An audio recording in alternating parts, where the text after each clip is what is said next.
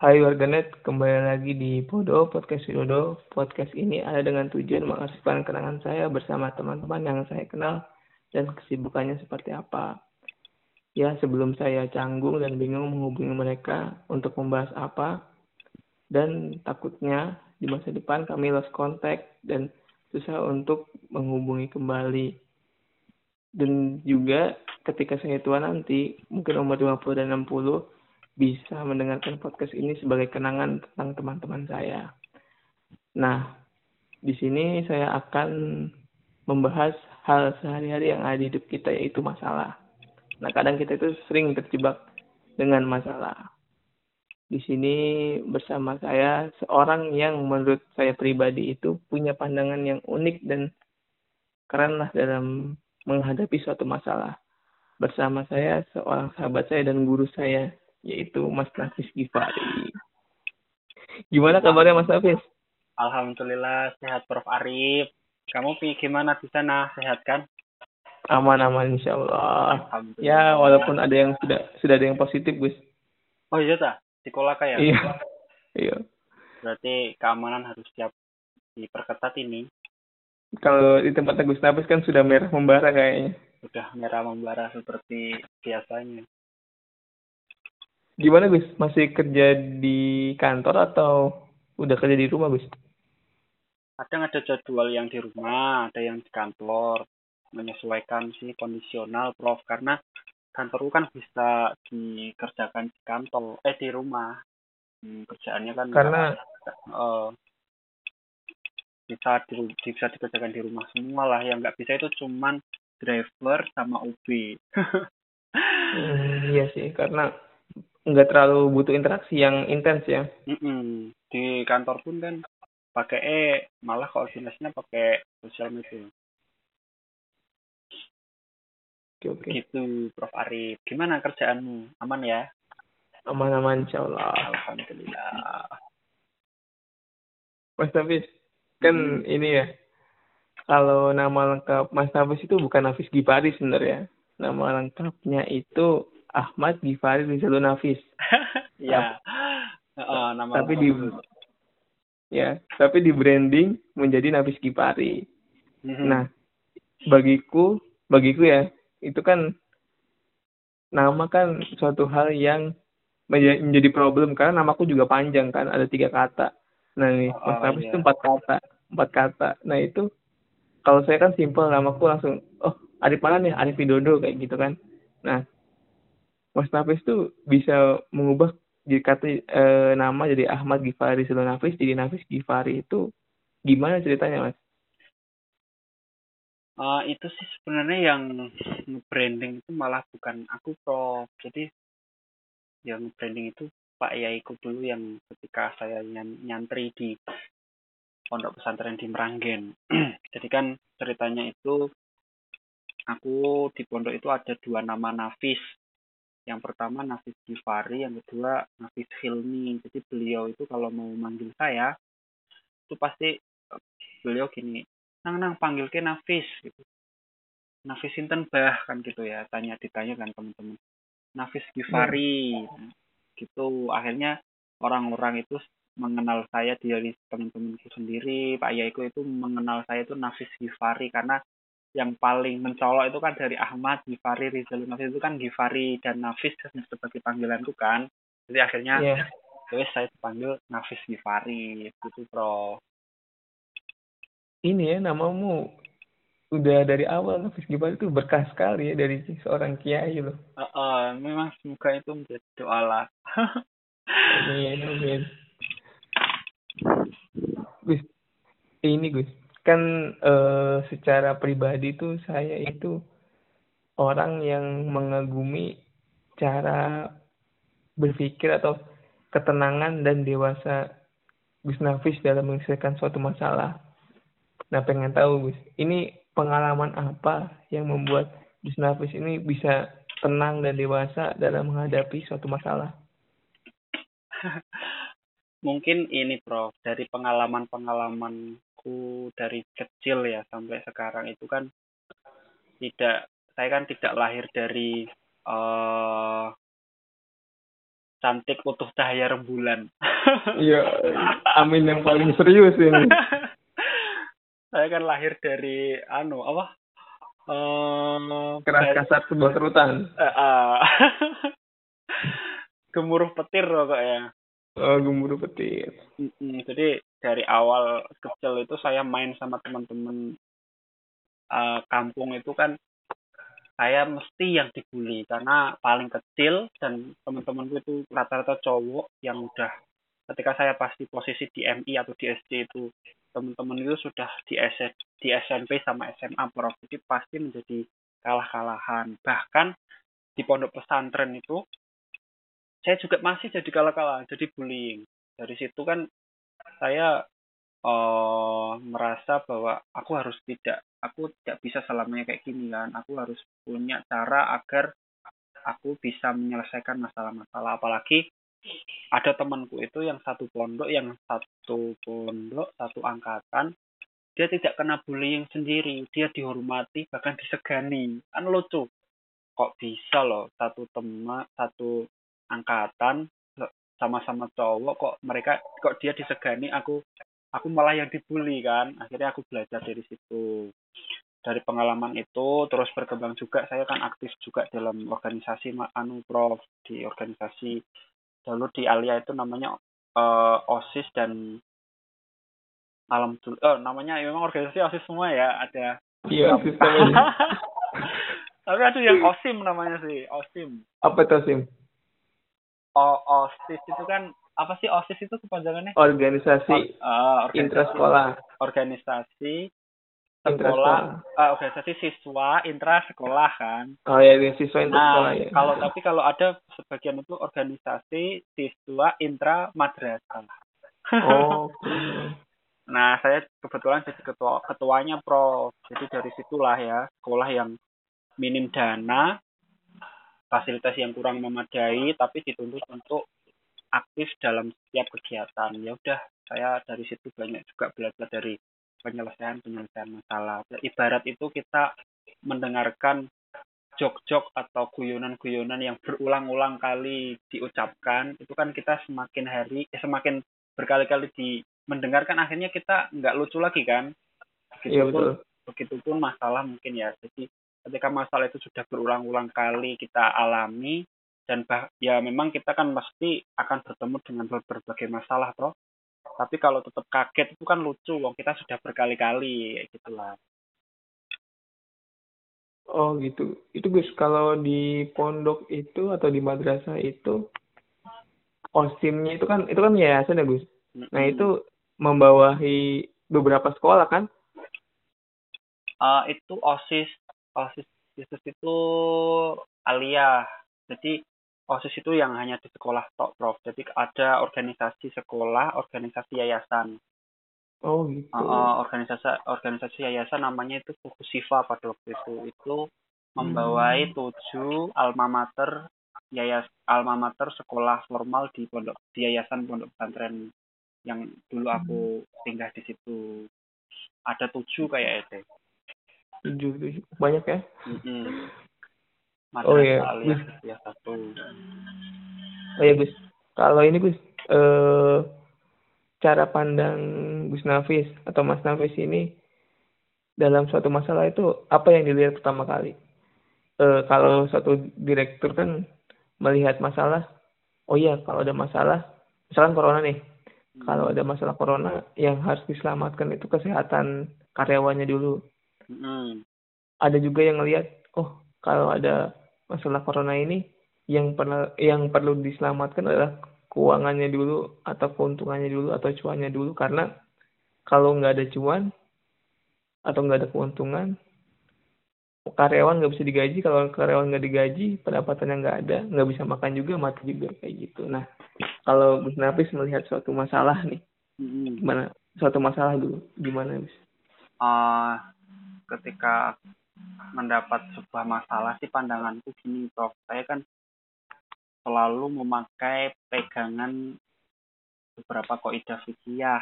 Contohnya seperti darul mafasid aula min jalbil masolih yang mana kita yang mana kita itu harus mengutamakan menghindari kemafsadahan atau kecelakaan atau keburukan daripada mengutamakan dari sebuah keuntungan atau kemaslahatan. Jadi kita menghindari resiko dulu daripada kita mendapatkan keuntungan. Itu pun seperti contoh yang yang disampaikan yang yang sampean omongkan ke Prof itu kan contoh bagaimana nih kita harus men, me, menyelamatkan jiwa atau menyelamatkan ekonomi. Nah, karena ekonomi itu bisa dibangun lagi, tapi jiwa kan nggak bisa dibangun, nggak bisa dihidupkan lagi. Jadi kita harus mementingkan jiwa dahulu daripada ekonomi. Seperti itulah. Hmm, oke oke oke. Pijakan berpikir untuk menyelesaikan masalah Mas Nafis tuh dari mana sih? Maksudnya e, bisa berawal eh berawal dan berpikir seperti itu menyelesaikan masalah itu harus mengurangi resiko ke kemudaratannya. Nah itu pijakannya dari mana, Gus? Ya itu memang uh, anu Prof ya dasar dari sebuah saya kan belajar juga kan dari yang saya sampaikan tadi kan masalah-masalah yang sudah uh, terjadi dahulu-dahulu itu saya jadikan sebuah pengalaman Terus saya juga belajar nih tentang kaidah-kaidah fikih dari penyelesaian-penyelesaian hukum, penyelesaian-penyelesaian masalah, dan saya juga baca-baca juga dalam buku-buku yang menurutku bagus banget masalah tentang kepribadian, masalah tentang penyelesaian masalah kayak gitu. Saya kalau pijakan awal dalam berpikir itu ketika ada masalah itu pasti saya saya mengingat tiga hal itu entah di buku atau di mana saya lupa tiga hal itu yang mungkin menjadi pegangan saya ketika ada masalah datang. Satu adalah menerima. Menerima Gimana ini. menerimanya? Artinya kadang-kala kita kan punya masalah itu, orang itu pasti tidak masih berontak. Misal kayak, aduh, aku iki uh, gak lulus TOEFL misal atau aduh iki aku gak punya uang ke misal pasti kan dia berontak coba diterima, diterima dulu. Atau katakanlah semisal kayak, aduh ban bocor ki. Kalau mereka tidak terima, pasti dia marah-marah, males, terus terus dia tidak uh, tidak mempunyai sikap untuk berpikir untuk menyelesaikan masalah jadi kayak gitu jadi kita terima dulu oke okay, semisal oke okay, aku nggak lulus aku terima oke okay, aku ban bocor ban oke okay, ban motorku bocor nih aku terima oke okay keterima dulu setelah itu fokus pada penyelesaian masalah. Oh ban oke okay, ban bocor ki berarti solusinya adalah aku harus mencari ban mencari tambal ban. Oke okay, fokus pada itu. Jangan fokus kepada masalahnya. Fokus pada berarti setelah mm -mm. berarti setelah menerima eh, setelah itu solusi gitu guys mm -mm. fokus pada penyelesaian masalah. Jangan fokus kepada masalah Hmm. Jadi okay. jangan kita cari apa nih. Uh, kenapa kenapa kok aku kenapa sih pas pas pas waktu kayak gini kok malah ban bocor kayak gitu gitulah jangan kita fokus oke okay, diterima mungkin dengan ban bocor aku bisa ngobrol-ngobrol sama tukang tambal ban dapat dapat ilmu baru kayak atau apa kita terima dulu itu terus fokus kepada penyelesaian masalah setelah sudah fokus tentang penyelesaian masalah, memikirkan solusi bagaimana menyelesaikan masalah itu, setelah itu baru langsung menjalankan solusi itu. Kalau setelah itu selesai. Nah, mungkin paradigma seperti ini itu tiga itu sudah banyak yang mengetahui, tapi kadangkala kita yang lalai. Ketika ada masalah itu pasti galau, galau banget. Misal, aduh aku harus diputus sih, diputus pacarku itu piye kan gitu kan. Masih sedih terus sedih terus kan. Nah tapi tidak fokus kepada penyelesaian masalah. Oh nggak apa-apa mungkin ketika aku diputus ada hal yang baik yang bisa aku raih.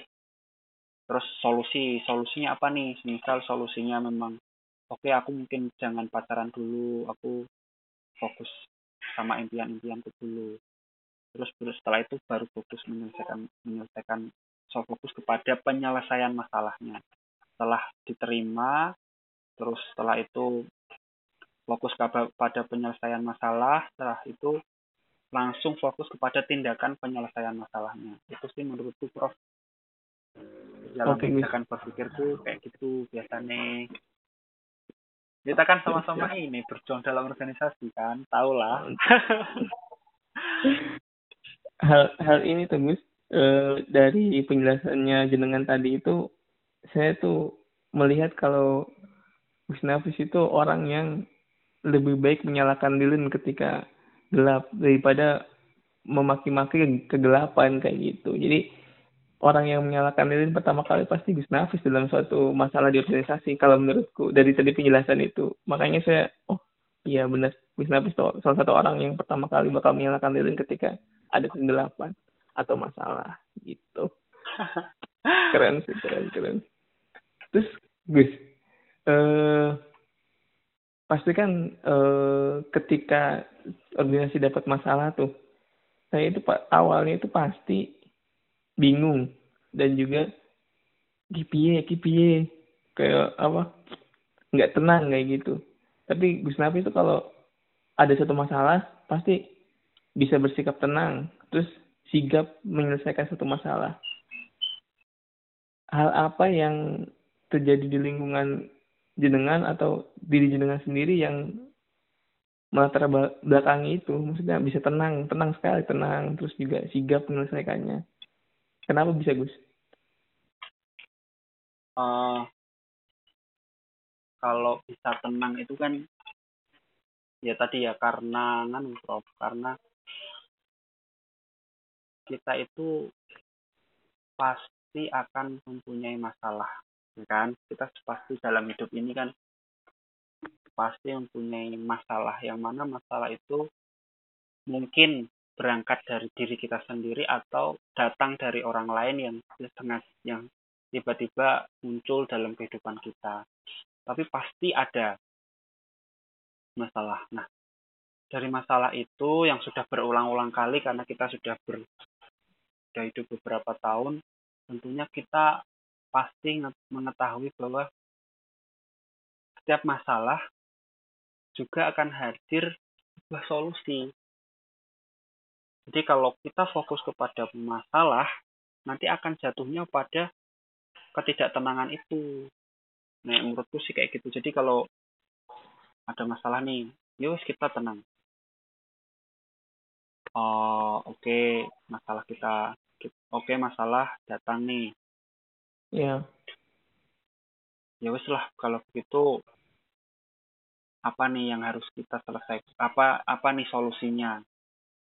Cari kemungkinan-kemungkinan maksimal yang mungkin kita yang sangat mungkin untuk kita ikhtiari. Setelah setelah itu ya wes kita carikan solusi kayak gitu. Jadi uh, uh, jadi akan selalu ada pembahasan baru, kebahagiaan baru, bahkan masalah baru. Tapi nanti tetap akan selesai. Seperti itu. Siap, Eh, bisa menyelesaikan suatu masalah atau punya cara pandang mas dalam suatu masalah dengan baik atau menyelesaikan masalah dengan baik itu kan suatu hal yang positif. Hmm. Tapi eh, ternyata sepengetahuan saya ya ada beberapa hal yang menjadi negatif karena Gus Nafus ini istilahnya kalau bagi orang lain itu mudah sekali menyelesaikan masalah orang lain lah. Ketika ada laki-laki yang curhat, perempuan yang curhat tentang masalahnya, terus Gus Nafus memberikan saran.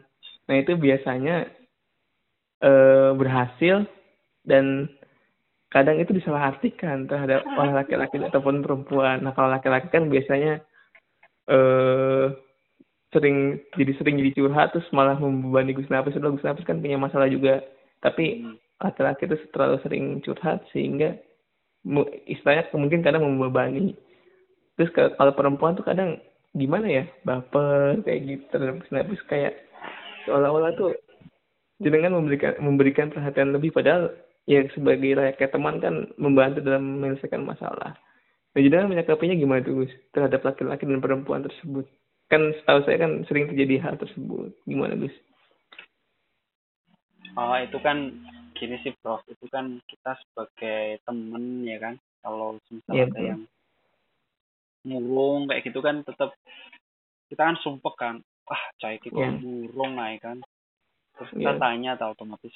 Oh dan ketika mereka cerita kan kita juga sedikit banyak akan interest dan mendengarkan terus kalau bisa memberikan solusi ya memberikan sebisanya. Nah kadang kalau kayak gitu sih eh kalau teman-teman sih tahu lah ya tahu batasan-batasanku ketika aku menganggap eh, ketika aku ngobrol dan berkawan seperti itu. Kadang-kala memang eh, karena eh, kecuekanku ada yang mm, menganggap itu sebuah apa ini?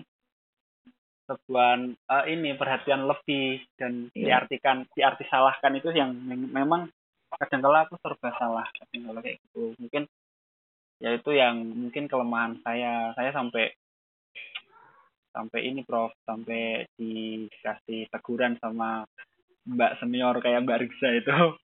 Terus Oh, kamu gitu. jangan oh kamu jangan kayak gitu Fis. Tapi mbak kan temen kan gitu.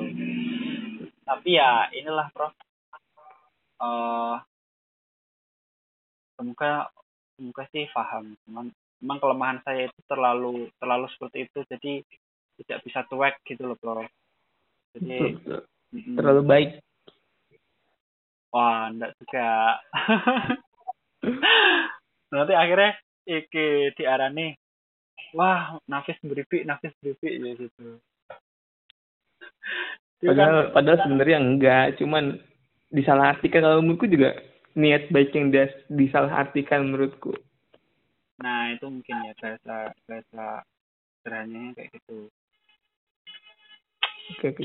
Nih, dari eh, percakapan sampai saat ini tuh mungkin teman-teman pendengar pasti bisa melihat Gus Nafis atau mendengar Gus Nafis itu memiliki minimal tiga. Pertama, kecerdasan emosional. Kedua, kecerdasan intelektual. Dan ketiga itu kecerdasan spiritual.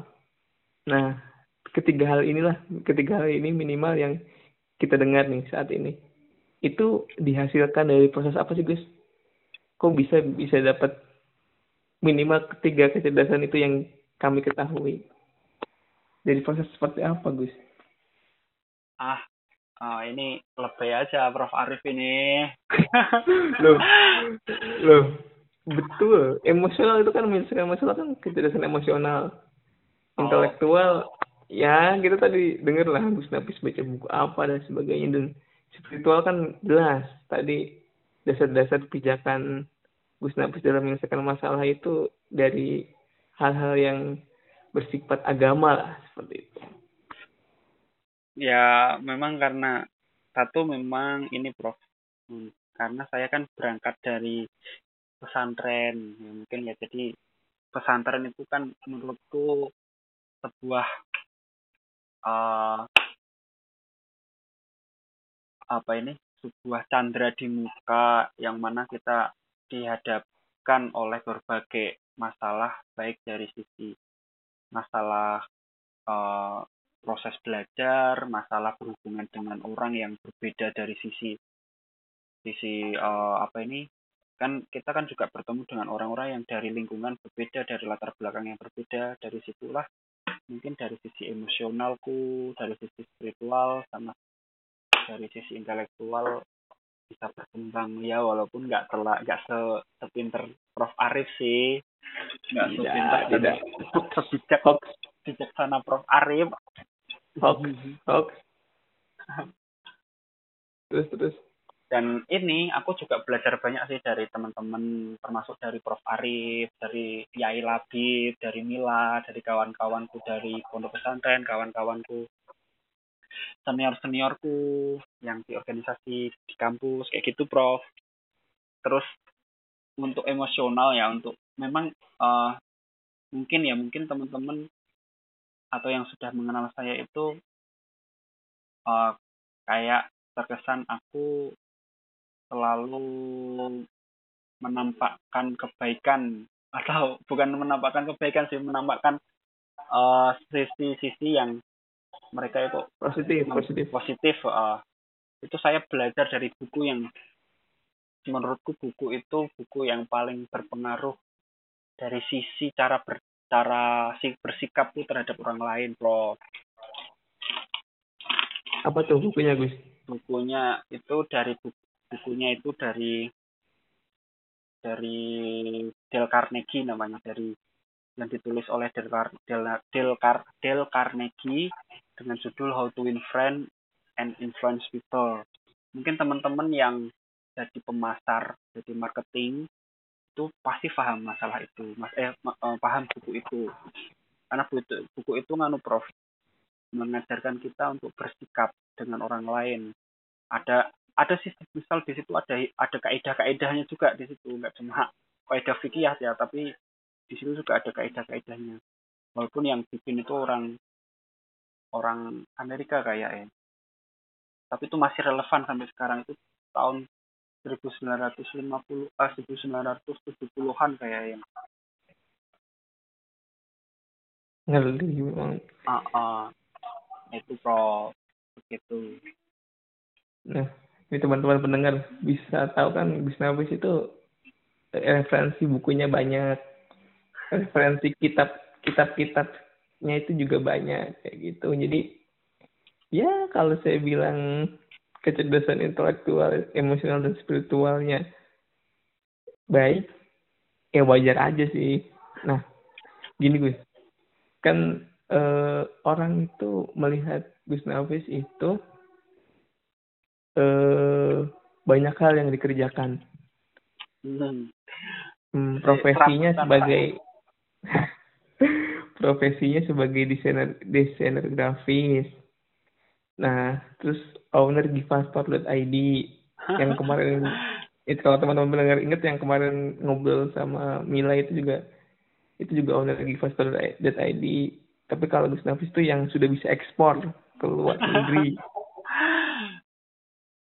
terus juga seorang organisatoris kampus penerima beasiswa sejak S1 sampai S2 itu yang saya tahu. Nah kenapa itu mau dikenal sebagai apa sih? Maksudnya ini dengan sebanyak itu hal yang dikerjakan mau dikenal atau dikenang sebagai apa? Dikenal atau dikenang?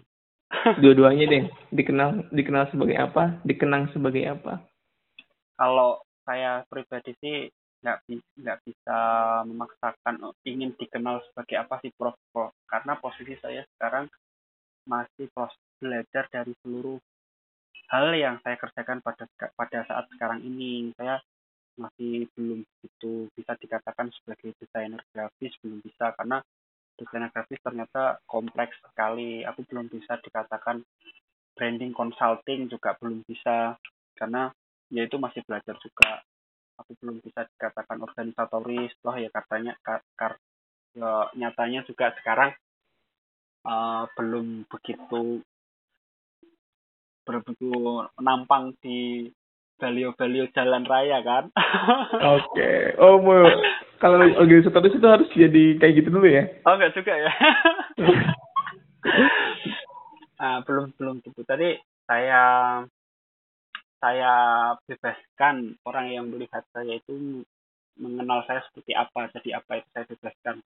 Uh, ada yang mengenal saya sebagai sahabat ada yang mengenal saya sebagai ya aktif di organisasi juga. Saya banyak yang mengenal saya sebagai desain itu kan tergantung saya ber, berhubungan dan mempunyai kepentingan apa terhadap sama teman-teman itu jadi saya bebaskan itu. Cuman cita-cita saya memang tiga itu yang dari kelas tiga aliyah sampai sekarang itu belum sampai goyah yaitu saya ingin menjadi rojulul akmal, saya juga ingin menjadi ulama, saya juga menjadi ingin menjadi umarok. Entah menjadi umarok yang seperti apa, entah, entah menjadi ulama yang seperti apa, entah menjadi rojulul amal yang seperti apa. Gitu itu. Ngeri sekali. kalau dikenang kalau dikenangnya Gus, dikenangnya sebagai apa Gus? Pengennya dikenang orang itu sebagai apa? Aku sih ingin menjadi orang yang dikenang sebagai sosok yang dalam hidupnya itu fokus kepada sosial. dengan apa yang saya miliki ya misal yang saya miliki tenaga tenaga ya sebisanya saya bisa lakukan tapi posisinya nan, memang saya sekarang saya masih belajar. Semoga sih suatu hari saya bisa membuat sebuah kegiatan atau sebuah bentuk sosial entah dengan apa pun itu dengan minimal apa pun itu mungkin. Ya uh, nantilah kalau sudah kita terjun benar-benar di masyarakat kan kita masih nek nek saya sih masih ini prof masih belajar kalau anda kan ini sudah terjun di tengah masyarakat. Apa mengabdi, mengabdi kepada rakyat dan negara. Apaan? Enggak lah. Eh, malah yang yang bentuk nyata dari uh, mengabdi dan juga berperan dalam ekonomi itu jenengan loh. Di gifaster.id katanya Mila udah ekspor ke mana-mana. Ke Malaysia. Terus ke, di luar Malaysia katanya udah ada juga selain di Malaysia. Iya sih tapi itu kan nganu prof belum begitu berdampak. Ya, pahlawan devisa negara itu. Amin amin ya sedikit ya sedikit banyak sedikit banyak mau sedikit banyak. Amin ya, amin. kan? ya semoga bisa menjadi bisnis yang berkah dan memberkahi. Katanya ya lakukan seperti itu. Siap siap soalnya kan eh, bahkan gini loh teman-teman pendengar. Eh West Nafis kan ini punya bisnis eh, stiker keyboard Arab. Jadi kalau teman-teman yang mungkin berkaitan dengan bahasa Arab atau tentang Islam eh, kuliahnya penting tuh stiker keyboard Arab. Nah selain itu dia buka juga reseller buat teman-teman yang mungkin di kampusnya yang jauh dan sebagainya. Nah reseller ini itu biasanya ya Gus ya biasanya setahu itu keuntungannya malah lebih besar dibandingkan produk produsennya ya, bener gak sih? Hmm, iya mak, iya Prof itu itu kan katakanlah ya harga per user itu kan 10 serat, katakanlah 100 persen. Iya. Yeah. user 100 persen kan. Iya. Yeah. 60 persennya itu saya 40 persennya itu reseller. Cuman 60 persen itu belum produksi. Belum dihitung dari produksi. Jadi hitungannya hmm. kalau pro, kalau produksi itu 50 persen dari 60 persen kan berarti 30 persen kan. Berarti reseller saya itu 40, saya 30. Tapi nggak uh. apa-apa. Uh. sangat sangat ini sekali ya owner yang sangat luar biasa itu di mana aja Gus yang udah ada beberapa reseller yang di kampus-kampus lain? Insya Allah semua win di Indonesia udah udah ada resellernya. Semua win di Indonesia? Mm -hmm. win, win ya, bukan bukan IAIN loh. Eh, bukan IAIN, bukan Stein ya? Bukan, cuman yang paling banyak resellernya itu kan di setiap win itu ada yang cuma satu, ada yang dua, ada yang bahkan itu ada enam yang paling banyak itu malah di UIN2 Prof UIN Sumatera Utara oh di UIN2 itu Medan ya itu banyak banget itu ada berapa ya lupa aku sampai nggak tahu tuh itu dari generasi ke generasi kali ya kali ini kali dari 2014 uh, yeah. akhir keren sumpah berarti kalau kalau mau jadi reseller resellernya Gus Napi juga bisa ya lewat givasta.id ya. Mm -hmm, atau pas atau Instagramnya givasta.id. Hmm, oke oke oke. Eh kalau misalkan ini Gus, kan uh, sekarang pandemi corona nih. Hmm. Kalau usahanya Gus Napi sendiri yang di Givastor gimana Gus? Kalau di kerjaan kan kerjaan utamanya kan uh, terpengaruhi sangat terpengaruhi sekali. Nah kalau yang di Givastor gimana tuh? Givastor sih alhamdulillah tetap ada yang beli bro. Cuman uh, yang Malaysia ini aku kan ada reseller Malaysia berapa ya? Dan kemarin itu di bulan April itu udah udah taken kalau mau pesen sekian ratus pesan gitu. Cuman terus di Maret awal itu kan Malaysia kayaknya udah lockdown kayaknya. Oh iya. Terus akhirnya nggak bisa kirim.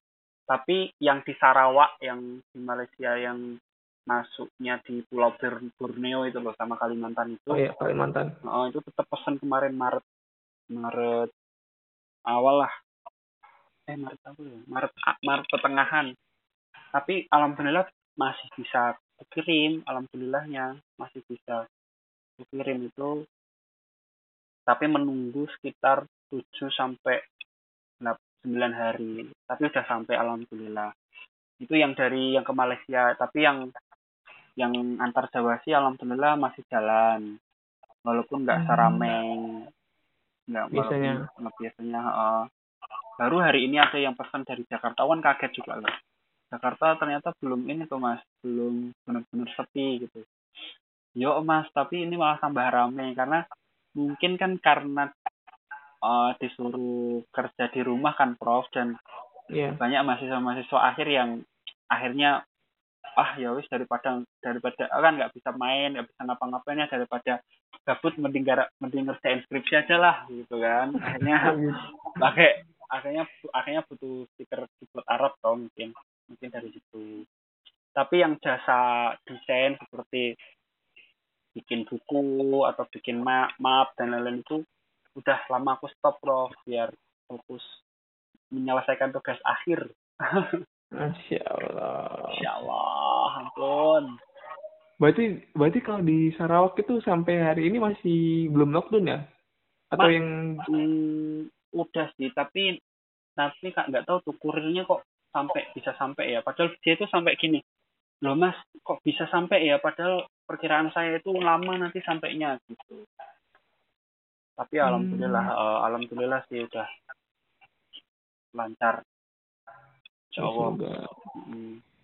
tapi yang di dekat Kuala Lumpur kayak di negeri sembil, negeri sembil, negeri sembilan apa ya sama di Johor terus itu benar-benar nggak bisa kemarin juga udah kontak-kontakan nggak bisa di ini kirim ke sana Oh, padahal cuma ngirim barang itu udah nggak boleh ya? Oh, oh, nggak boleh bahkan di ini bro ke luar pulau CNT sudah nggak bisa. Oh gitu.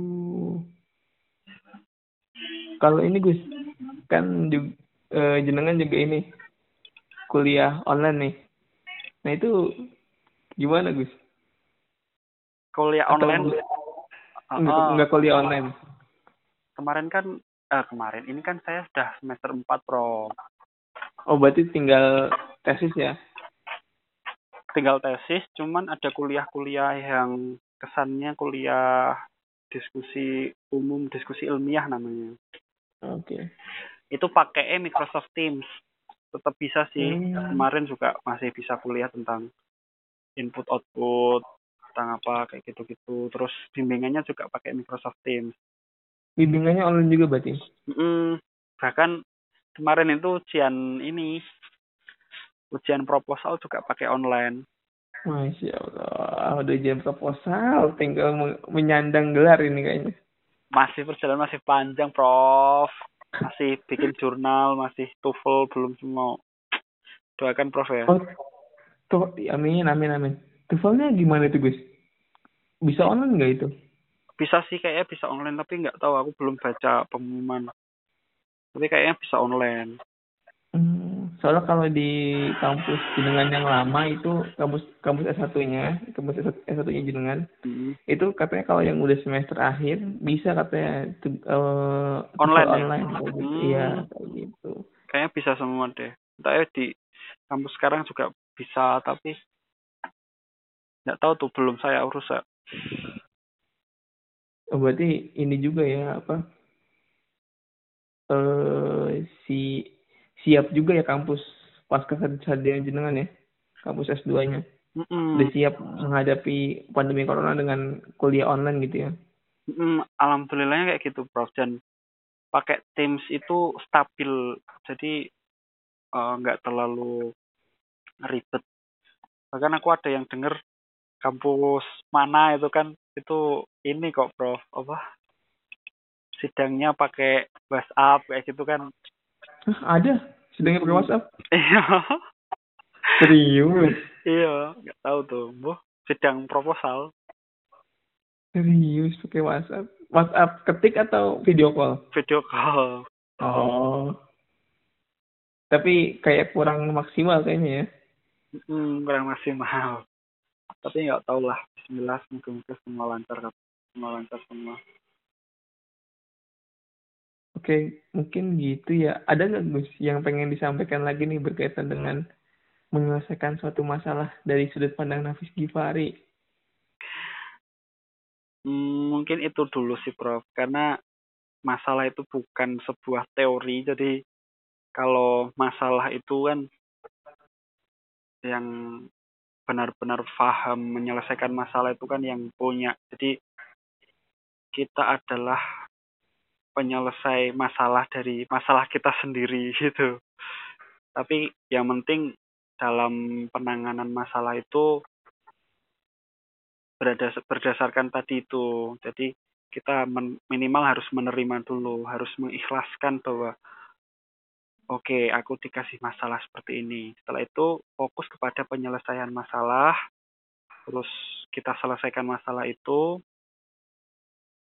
baru kita lepaskan dengan tawakal lah, dengan, pasrah, dengan pasrah yang kalau dalam kitab hikam itu kan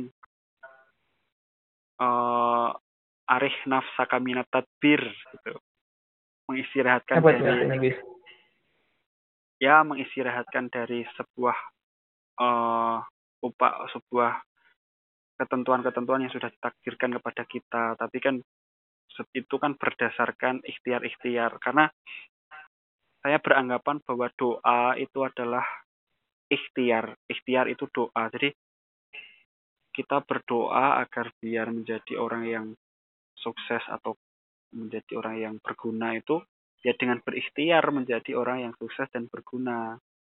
Seperti itu. Jadi kita harus tapi jangan sampai mengira bahwa kesuksesan atau penyelesaian masalah itu adalah berdasarkan dari usaha kita. Nah itu kan itu kan hal-hal yang kita harus pahami dari sisi karena kita sebagai umat yang umat muslim yang harus seserah diri ya memang kayak gitu. Jadi min alamatil iktimat alal amal nuksonu roja indah wujud jadi biar kita menjadi orang yang pasrah kepada Allah adalah dengan berikhtiar semaksimal mungkin dengan hasil yang telah ditentukan oleh Allah yang mana dengan hasil itu sebenarnya kita diberikan petunjuk-petunjuk atas keadaan dan atas adanya Allah Subhanahu wa taala kayak gitu. Itu Prof. Masuk yang nanya. Keren, keren banget sumpah. asli, asli.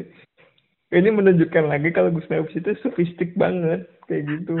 Kayak kata kata kata ahli kamu, punya kalau ahli kamu itu ngeri lah. Karena ini kadang kala teman-teman itu ya mungkin bisa ditiru lah teman-teman itu banyak yang ketika ada masalah itu pasti mendengarkan al-hikam Prof. Karena al-hikam itu Betul. begitu menyejukkan. Dok, ini ya Ustadz Lukman ya? Yang di Twitter itu ya? Yang kemarin-kemarin ngaji al-hikam ya?